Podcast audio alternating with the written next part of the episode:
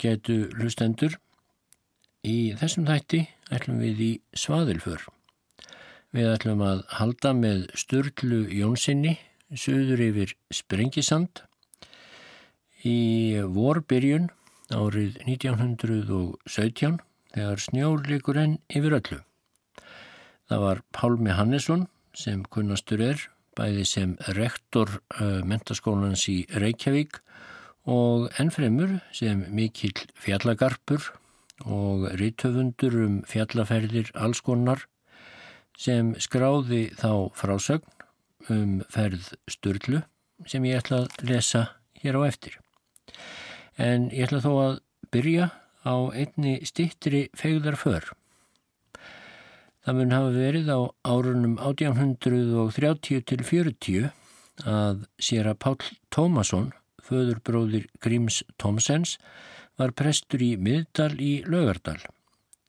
En svo segir í frásögn eftir Pál Guðmundsson á Hjálmstöðum sem byrtist í safnreitinu Hrakningar og heiðarvegir sem þeir eh, Pálmi Hannesson og Jón Eithórsson tóku saman.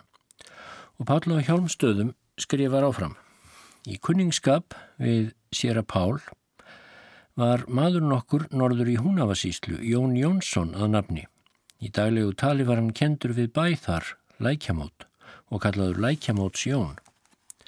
Vetur einn fyrir Jón þessi á samt fleiri húnvetningum söður að faksaflóa til sjóróðura. Þeir fóru söður á Þorra og örðu því fyrrkomnir söður en vertíð byrjaði í þann tíð. Lækjamótsjón hegst þá nota tíman fram að vertíðinni til að finna vinsinn, sér að Páli miðdal. Kaupir hann í Reykjavík einhvern glaðning handa presti þar á meðal fjögur að potta kút af rommi.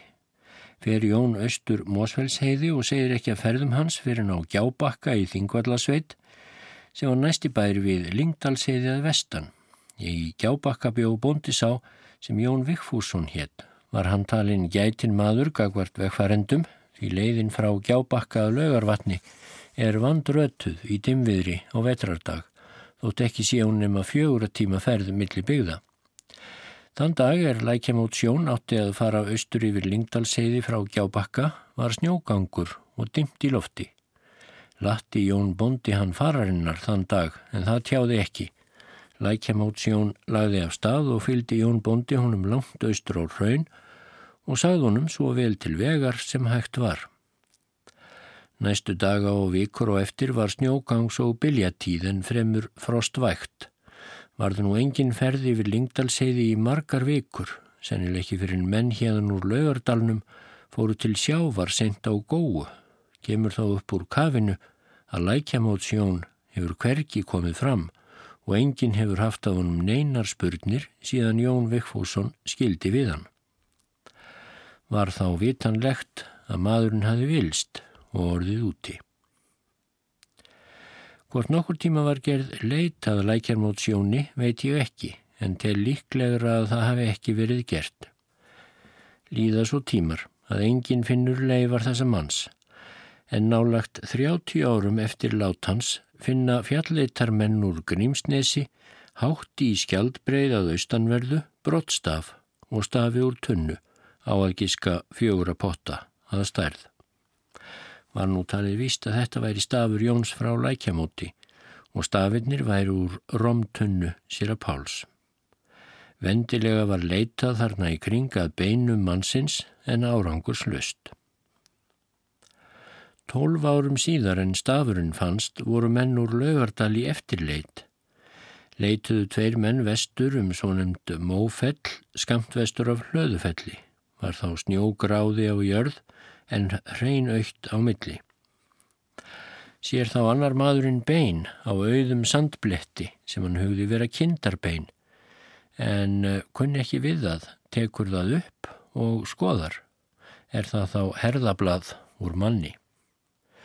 Mundu þá mennirnir eftir sögu lækjamótsjóns og gískuð á að þarna hefðan borið beinin. Í þetta sinn fundu mennirnir sama sem ekkert af beinum vegna harðfreða sem láð þar á, en þeir hlóðu þar upp vörðu og voruð eftir þegar snjóar voru listir, fóru þeir hinn í sömu menn og fundu beinin sem eftir voru. Ekki var um að villast. að þetta voru bein lækjarmóts Jóns því signet hans láfið annan lærleikin hefur vitanlega verið í buksnavassanum. Beinin voru svo jörðuð í miðdalskirkjugarði. Ekki er gott að gíska á hversu lengi þessi maður hefur flegst um fjalla auðnirnar áður en hann fekk hinn að hinstu kvíld. En svo mikið er þó víst að í ófærð og villu er þetta óra leið og fjöll og fyrnindi á alla vegu. Svo er að sjá sem lækjamóts Jón hafi rakist um heiðina í marga sólaringa og síðast hefur hann gengið langan veg eftir að hann skildi við sig göngustafin og ferðamalin. Í sambandi við þessa frásögn fylgdi þegar ég var ungur dálít til þjóðsaga og var hún þannig að Jón, sem var hagorður, hefði kveðið gletnisvísu um kvennmann sem Guðrýður hétt þegar hann var á unga aldri. En Guðrýður reyttist vísunni, svo hún lagði á Jón að hann skildi aldrei komast í kristinumanna reit og gekk það eftir. Segir fátt af einum var heitið á þessari stöttu frásögn Páls af hjálmstöðum og eh, hún sínir að menn þurfti ekki að þvælast langt upp um heiðar til þess að lenda í háska og ég vil verða úti. En nú fáum við sem sagt að heyra hvernig fór fyrir Sturlu Jónssoni þegar hann lagði á sjálfan Sprengisand og það er sem fyrir segir Pálmi Hannesson sem skrifaði frásögnuna og rétt eins og í tilfelli Lækjarmóta Jóns þá kemur hvern maður við sögu.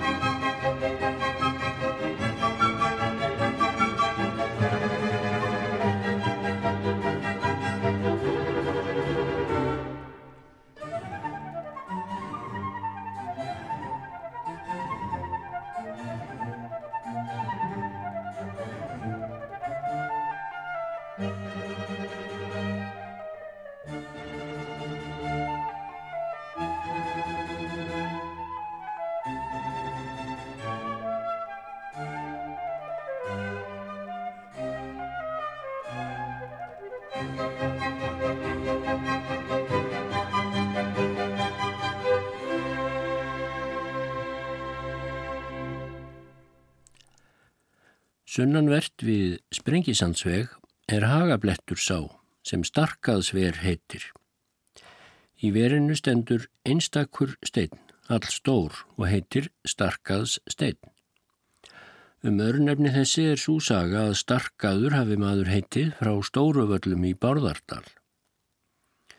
Hann átti sér unnustu söður í hreppum sem er segja á Stóranúpi en aðrir í Þrándarholti. Einhverju sinni fór hann einn sínsliðs söður yfir sprengisand til að finna stúlku sína. En á leiðinni var þann úti og fundust bein hans undir steininum. Um svipaleiti dreymdi stúlkuna að starkaður kemi til sín og hvæði vísu þessa. Ángur og mein fyrir auðar reyn, ofta var skattnar þegið, starkaðar bein und stórum stein um stundu hafa leið. Ég ætla nú að rekja aðra sögu sem um sumt er ekki óáþekk þessari. Það er engin þjóðsaga þó því hún gerðist á okkar dögum. Maðurinn nefndur Sturla Jónsson.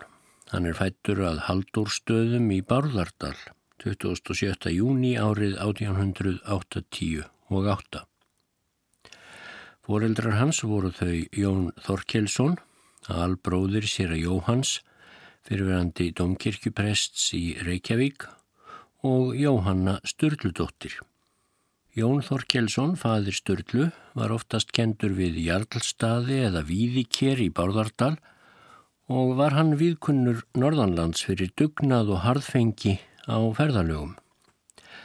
Hann fylgdi mörgum ferðamönnum bæði yfir Sprengisand og inn í Öskju og eftir honum er heitið Jónsskarði í Dingjufjöllum.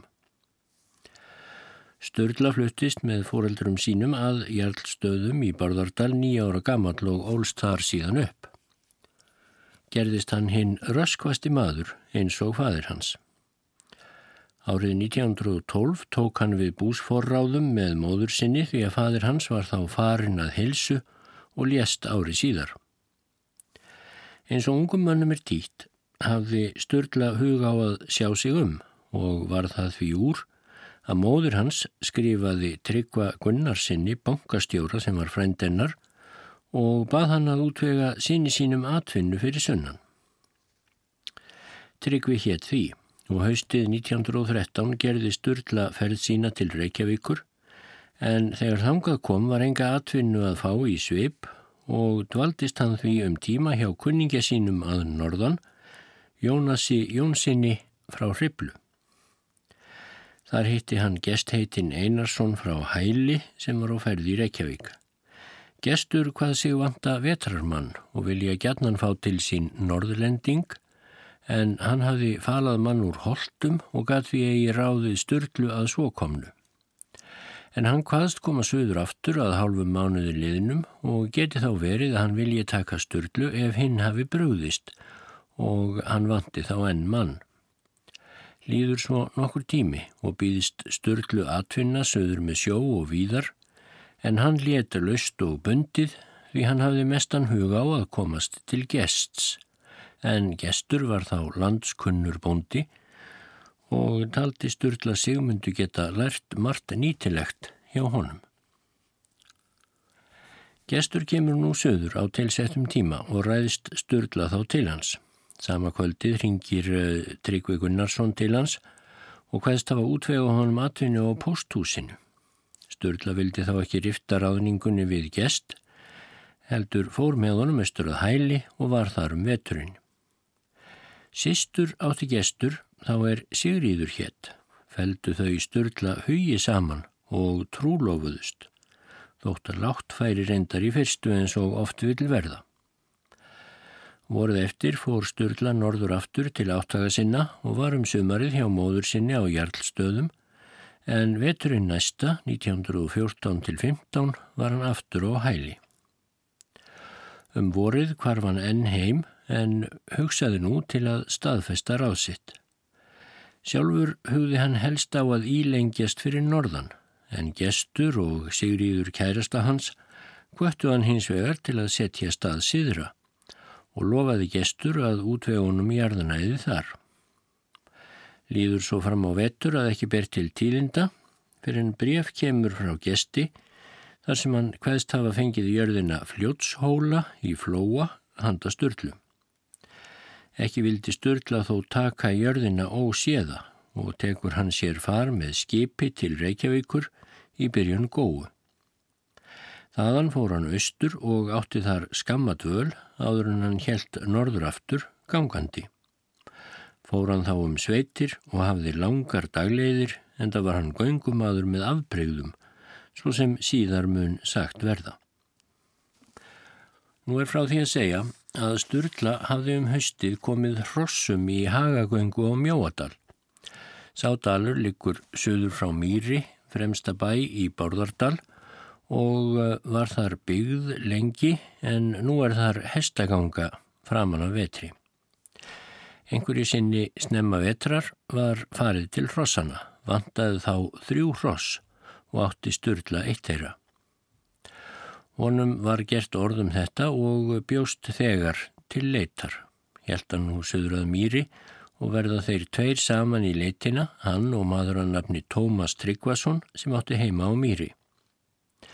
Þetta var snemma á jólaföstu og gangfæri var heið besta, halda þeir nú fram á afrétt, allt söður að kiðagils núk og snúa þar við út á svonumda mosa, þar finna þeir hrossin þrjú. Hugsaður nú störla með sér að ekki væri nema mannsverk að ganga söður yfir sprengisand þegar svo sunnarlega var komið á annað borð, en hann let þó ekki á neinu bera um sinn halda þeir félagar nú heimleiðis en eftir þetta kemur störlu það jafnan í hug að gaman væri að ganga söður sprengisand og mun tvent hafa dreyið til ævindýralöngun og þó engum hitt að hann hefur oft hugsað söður að hæli þar sem Sigriður beigð. Lýður svo fram til þess tíma að hann fær bref frá gesti sem áður er sagt, vildan þá leggja á fjöllin en fekk engan til fylgdar við sig og þótti viður hluta mikið að fara einn yfir fjöllin um hávetur. Vorið 1916 var hart og snjóasamt á Norðurlandi og lág skjálfandafljóð með ís framundir vetrarlokk. Nú leiða þeim tíma að störla þyrti söður til að taka við jörðsynni í flóa og vex honum nú ákvörðun um að ganga á skýðum söður fjöllin. Hann var vanur eftirleitum söður á örræfi sent á haustum og hafði ofta reynd á gönguþól og harðfengi í þeim ferðum. Skjálfandafljótt hafði hann vaðið upp í gervörtur í tólf stiga frosti og ekki orðið meint af. Treysti hann sér því allvel til gangs og vospúðar. Sturla undirbýr sig nú vandlega og hegst fara í þremur áfengum millir byggða. Ætlar hann fyrsta daginn söður undir Sprengisand, annan daginn í Arnarfell eða Bólstað við Þjórsá en hinn þriðja að skriðufelli í Þjórsárdal. Hugði hann allar ára á hálendinu vera á tröstum ísi og skýðafæri gott því að snjór var enn mikill í Bárðardal. Bjó hann sig nú út með nesti til hálsmánadar og hafði mikið af hangnu söðaketti, ráu en vel verkuðu. Hafði það reynst honum vel í eftirleitum. Tvær flöskur hafðan og af sætu kaffi. Hítunartæki hafðan hins vegar engin og farangur lítinn yfir leitt annað en nestið. Þó tók hann með sér all mikið af sokkaplöggum, skinnsokka, ólíufatnað og gæruskinn. Sjálfur var hann búinn venjulegum ígangsfötum eins og týðkast í vetrarferðum og hafði með sér dökk glerugu gegn snjóbyrtu. Bindur hann nú farangur sinn á lítinn skíðasleða sem var þannig gerður að létt grind var fest á krakkaskíði. Sjálfur hafði hann skýði og vænan staf en í farangurinn stakk hann skóplublaði sem smegja mátti upp á stafinn. Þannig útbúin heldur Sturla nú af stað löst eftir krossmessu en áður en hann færi senda hann símskeiti söður að hæli og lætur þar vita hvenar hann sé að venda söður af að öllu forfalla lausu. Snjór var þá svo mikill í Bárðardal að hann steiga á skýði sín þegar á hlaðinu og jarlstöðum. Hund átti störla ágæta vænan sem fylgdur um jefnan. En í þetta sinn brá svo að kynlega við að rakkin síndi ekki á sér neitt fararsnið heldur lagðist undir eldhúsbekk og vildi engu sinna. Varð störla að kalla á hundin áður en hann skreittist fram úr fylgsni sínu en slíks hafði aldrei þurft við áður. Kemur störlu þá í huga fyrst hundurinn vil ég ekki fylgjónum nú, sé líklegast að annar kór þeirra sé feigur. Þykir honum líklegur að það muni þá vera hann sjálfur, því hundurinn muni fremur komast af. Þetta var á þriðju degi.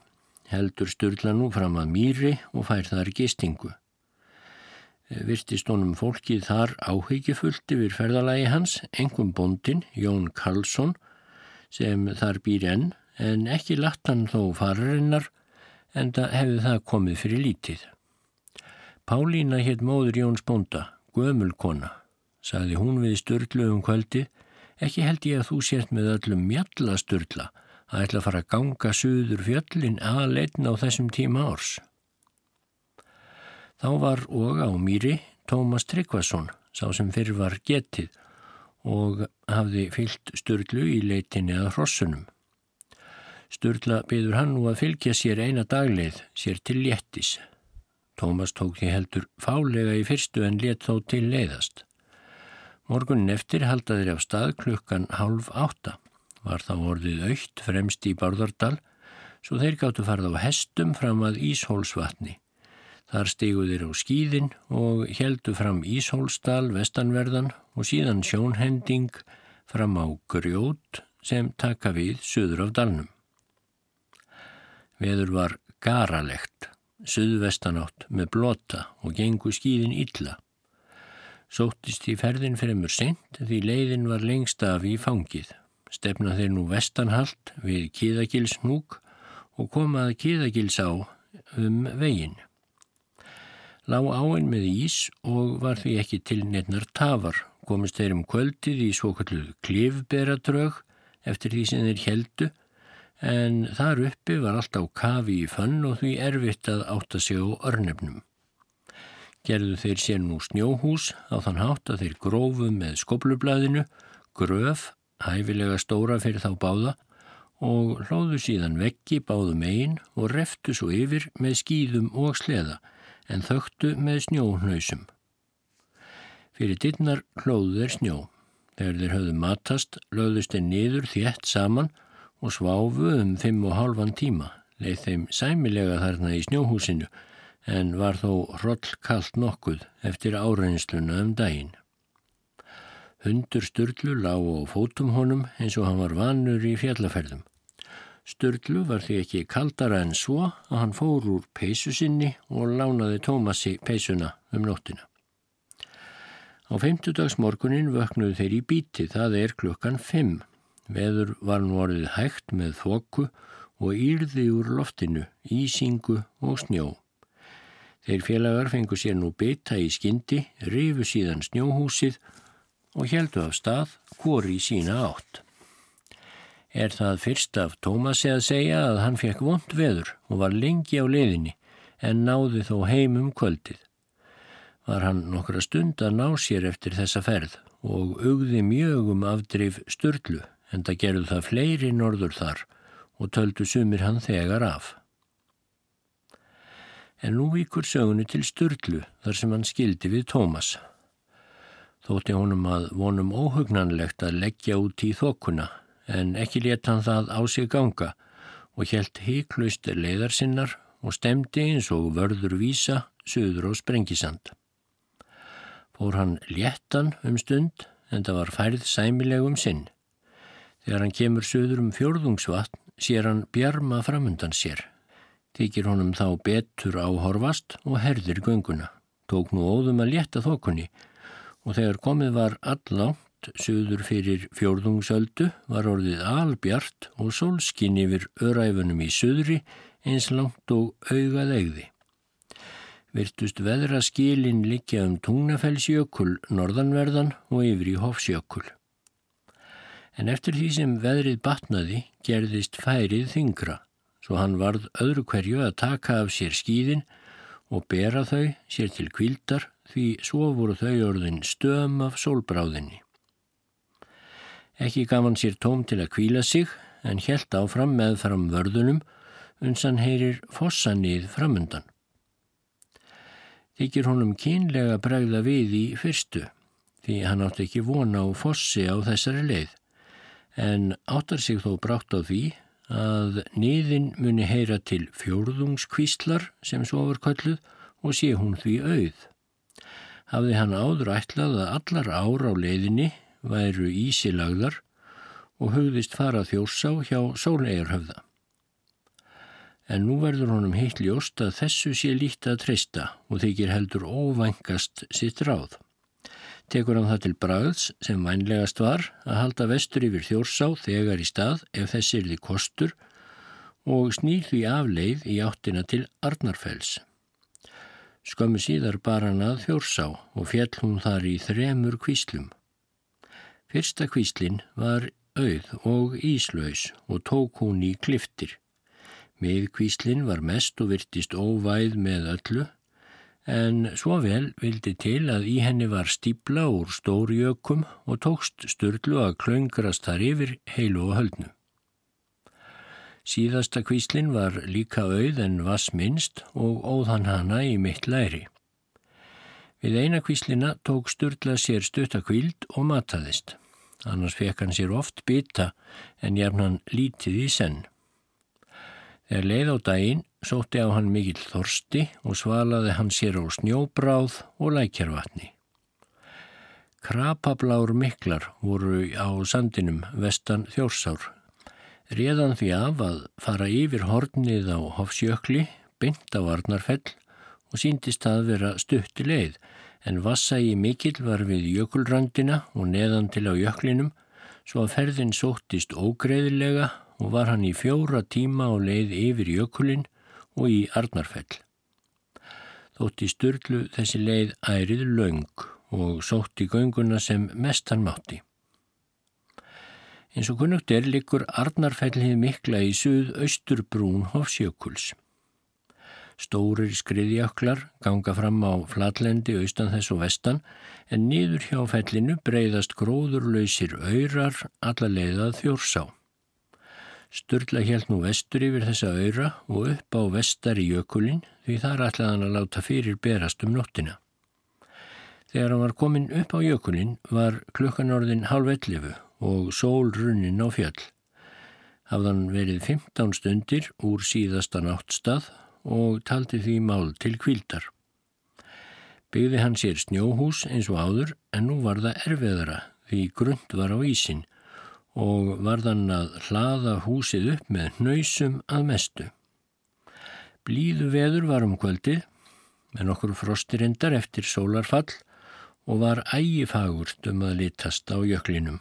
Framan í Arnarfelli hafði Sturla séð auða jörð á litlum kabla, annars voru öll öræfin undir fönn og krapi sem lísti með grænleitum blæ í vorhúminu.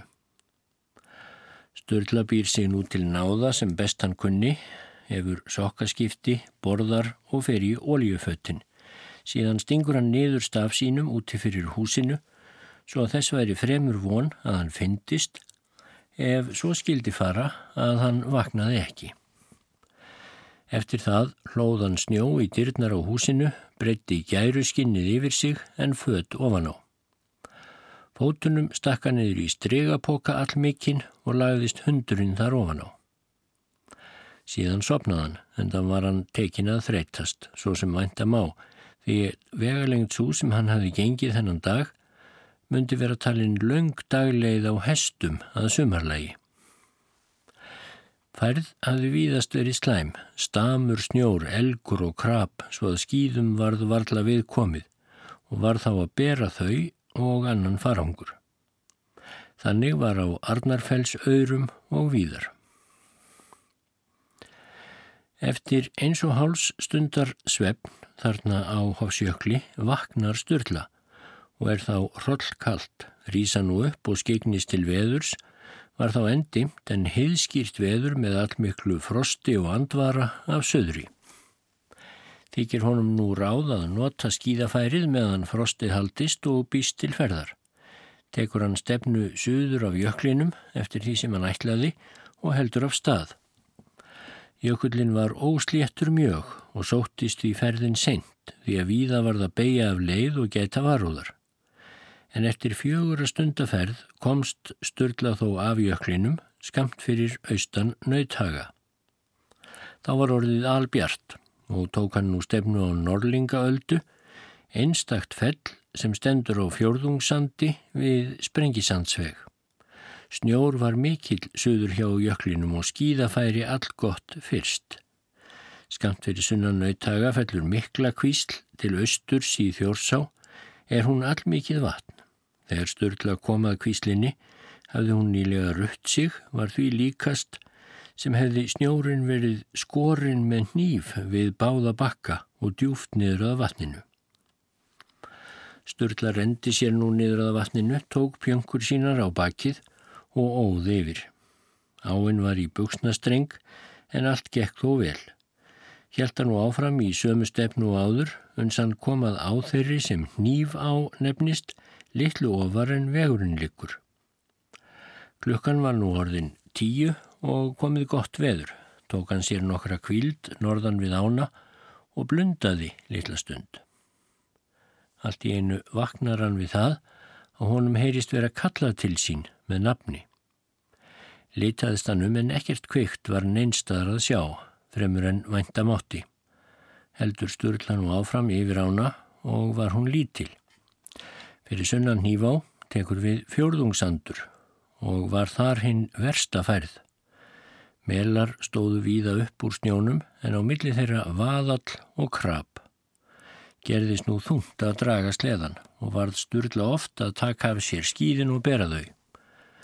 Fjórðungsandur nær söður að á sem heitir Kísa og kemur allarleið frá Kettlingafjöllum. Þegar þangað kom var klukkan hálf tólf. Stansaði sturlan norðan við ána, snætti og drakk það síðast af kaffinu. Hundinum gaf hann vel að geta til að búa hann undir ána, því hún var mikil síðan óðan ána og tók hún honum í mitti þó að brot væru þrætt. Veður var hefð besta, sólskin og sunnan þeir og rann snjórin ört. Þrammaði sturlan og áfram og fór færðin síst batnandi eftir því sem sunnar dró.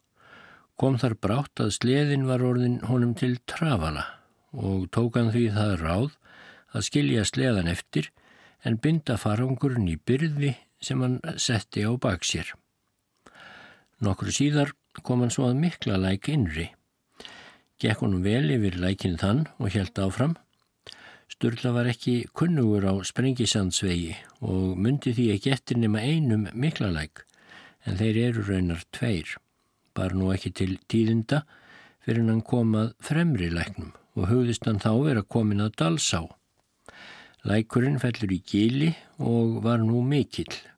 Störlu gekk þó vel að komast yfir hann og rósaði happi yfir því að vera sloppin við dalsá að því er hann taldi því henni hafði hann kviðið mest. Að vísu fannst honum landslægið vera nokkuð öðruvísi en hann átti von á hann ekki gerðan sér ángur yfir slíku og helt áfram gladur í huga en það gerðist nú færðin öllu betri en verið hafði um hríð svo að hann gæti notað skýðin meira með því að þræða lægðir. Ekki hafði hann gengið lengi þegar hann heyrir vatnaglaum framundan. Ætlar annað þar láti þjórsá til sín heyra og hugsaður með sér að heldur sér nú gangur í henni. En litlu síðar sér hann hvar dalsá liggur um leiðin að þvera og er æði ófrín. En störla heldur nú niður hæðirnar norðan dalsár Snjór var þar orðin vasséttin og veit hann þá ekki fyrir til en hann rennur í gjótu og brítur annað skýðið. Þóttur hann þetta ílt og hugði að eitthvað miður gott myndi á eftir fara. Skilur hann nú skýðin eftir við vörðu skamt frá, áinn vald fram með miklum háfaða, kólmórauð með kvítum streng og hafði varpað upp mannhæðarháum jaka hrönnum á báða vegu. Reynir Sturla nú fyrst að komast yfir á vaði en finnur brátt að þess er engin kostur. Snýran þar frá og reynir aftur neðar en allt fór á sömu leið. Nú hagar svo til að kipkorn niður frá vaðinu fellur á henni gljúfur en upp frá gljúfrinu varpar hún sér á brotum og er þó allstaðar mjög ströng. Sturla fylgir nú annir niður að þessum brotum og sér að þar muni hún vera grinst. Aftur var þar undanfæri ekkert ef eitthvað skildi út af bera því þá tók gljúfrið við. Leggur Sturla nú út í ána og reynir að þræða brotin en brátt gerist áinn svo djúb og ströng að hann verður að hafa sig allan við. Snýra hann sér þá upp í ströymin og reynir fyrir sér með stafnum og fikrar sig þannig áfram fet fyrir fet. Þar sem dýfst var tók áinn í buksnastreng og mátti þá ekki dýpri vera til að störla geti yfir litt staðið. En yfir komst hann þó, þótt að hart væri að honum sótt. En nú sér hann að hundurinn hefur orðið eftir hínum einn árinnar. Hafðan ekki gætt þess að láta seppa fylgja sér en það er óvíst að það hefur komið að haldi. Hundurinn lagði að lokum út í ána en ströymurinn kastaði hann um aftur til sama lands. Sturla hugsa nú með sér að best sé að láta eitt yfir báða ganga og snýr við til að sækja hundin. En brátt finnur hann að áinn er miklu verri norður yfir. Dögði nú stafurinn hans verri en áður því að brotturinn hafi týnst í ána hið fyrra sinnið verður Sturla nú frá að hverfa við svo búið og tekur til að kalla á hundin og skip honum að koma, en allt kom það fyrir ekki. Seppi þorði ekki út í. Klukkan var nú orðin hálf sex og hafði Sturla tafist við Dalsá í þrjár stundir mest vegna hundsins. Þykir honum mjög fyrir að skilja svo við hundin, en vonar þó að hann muni koma á eftir sér. Heldur Sturla nú fram gljúfurleit og gerðist færðin íll með miklum öyr og krapafaðli. Innarlega við svonumdan langás stansaði hann um fjórðung stundar og fekk sér bytta. Hundurinn var þá ókomin og er skemst frá því að segja að til þessa hunds spurðist aldrei síðan. Líklegast er að greið hafi lagt út í ána þegar hann var orðin einn, en ströymurinn hafi fært hann niður í gljúfrið og drekt honum þar. Sturla fann nú fyrst til einverunar eftir að hann misti hundin, en áður hafði hann aldrei fundið til slíks og þegar mest reyndi á þótt honum jafnan sem einhver dulin máttur stæði sér að baki. Klukkan var um tíu þegar Sturla helt aftur á stað, sótti hann nú gönguna sem fastast og fann lítið til þreitu. Fyldi hann veginum og urðu víðar fyrir vondar blár með jafnaþæfingi í snjó og krapi upp í hnje en á milli melarindar með miklum öyr. Um lánættið kom hann í starkaðsver og fór fram hjá steininum. Mundi hann vel eftir sögunni um starkað og hugsaði með sér að ekki mætti fara fyrir sér eins og honum. Óhreint hefur þótt í kringum starkaðstein og var nú ekki löst við að nokkurn óhug setti eða störlu því dimt var orðið af nóttu og loft skuggalegt. Annars var hann aldrei hrættur en nú setti staðunum einveran meira en áður og fannst honum alltaf öðru hverju hundurinn vera að koma á eftir sér en aldrei byrtist hundurinn. Niður frá starkaðsveri heita skúmstungur. Halla þar þverár tvær niður í þjórsá og heita skúmstungu ár, innri og fremri. Vegurinn sveigir niður á þjórsá á þessum slóðum og likur síðan upp á Sandafell en svo nefnist hæðarryggur einn sem verður þvert fyrir þar sem þjórsá kemur fram úr hálendinu og sameinast tungná. En nýður hjá Sandafelli er sléttlendi og heitir þar hólaskóur. Sturla held nú yfir skumstungur ofanverðar og fylgdi ekki veginum vegna ána sem virtust bísna vaksnar. Fekk hann þar vondan veg vegna gilja og skorninga sem stóðu fullir með krab, kom hann ekki á vegin aftur fyrir ná framannverðu sandafelli. Þangað var hann komin í byrtingu um morgunin. Hjælt hann nú sem leiðlikur fram hólaskóg og auð öyrin jamt og þétt í skóvarp eða meira. Gerðist hann nú ansi sifjaður en fætur tók að sárna af sandi og vaðli. Gekk hann stundum hálf sofandi og vaknaði við það að hann rægt tærnar í. Ekki hægði hann þó gönguna og fannst honum fæturnir reyfast af sjálfu sér líkt og vél. Hjelt hann þannig áfram niður í Þjórsárdal og var komin að gjánni klukkan að ganga sex. Stansaði hann þar við vörðu ofan við gjána, fekk sér bytta og tók upp síðustu sokkana sem hann átti eftir þurra. Eftir nokkra stund held hann aftur á stað og vantaði þá klukkuna 20 mínútur í sex. Veður var enn hið blíðasta. Og nú þrammar Sturla út vikrana í Þjórsárdal og fór mikinn, þótt svefn sækti mjög á hann, meira en fyrr. Hann nú að fossá og óð hanna upp í mitti á brotum skamt ofan við vaðið á veginum. Síðan held hann áfram út sandana í dalnum og var færð þar betri en áður. Þó þykir honum leiðin furðu tógandi en það tekur hann nú að þreytast nokkuð en ekki línar hann þó gönguna fyrir því. Heldur hann nú þannig áfram viðstöðu laust að kalla út yfir rauð á en síðan skemstu leið að skriðufelli og kom þar í hlað klukkan tæplega átta um morgunin. Ólafur Búndi Bergson var út í stattur og varð honum þetta fyrstað orði er sem mér sínist að þetta sést þú, Sturla. Ólafur er greiðamaður mikill og tók hann Sturlu tveim höndum, leiti hann til stofu og let bera honum mjölk og lítið eitt af víni. Annað vildi hann ekki veit honum, áður en hann færið að sofa. var Sturlu nú vísað til sengur og sopnaðan fljótt. Það var klukkan um hálf nýju. Nú svaf Sturla af til klukkan eitt að hann vaknar við það að einhver kom inn í stofuna þar sem hann svaf. Reisa nú upp og talaði við komumann og var hún þá borið kaffi. Þegar hann hafi drukkið það, sopnaði hann að nýju og svaf til klukkan fjögur um daginn. Klætt hann sig þá og kom út á hlað. Ólafur var þar fyrir og hvaðst hann hissa á því að sjá Sturlu svo snemma á ferli. Sturla hvaðist vilja komast út að hæli fyrir háttatíman og segir að gestur eigi sín von. Ólafur vill ekki með neinumóti slepp honum við svo búið. Hvaðist hann skildur lánunum blesa sinn ágætan hest ef hann býði til morguns en í dag fái hann engan hest hjá sér. Sturla var nú heldur ekki vel fær til gangs lengur, fæturnir sárir og bólnir en andlitið skemmt af sólbruna og kali verður styrlað því að þekkjast bóð Ólafs og vera kyrra á skriðufellu um nóttina. Næsta morgun sem var á sunnudegi var veður enn hið fegursta. Létt nú Ólafur söðla blesa eins og hann hafði lofað og reyði styrla síðan að hæli.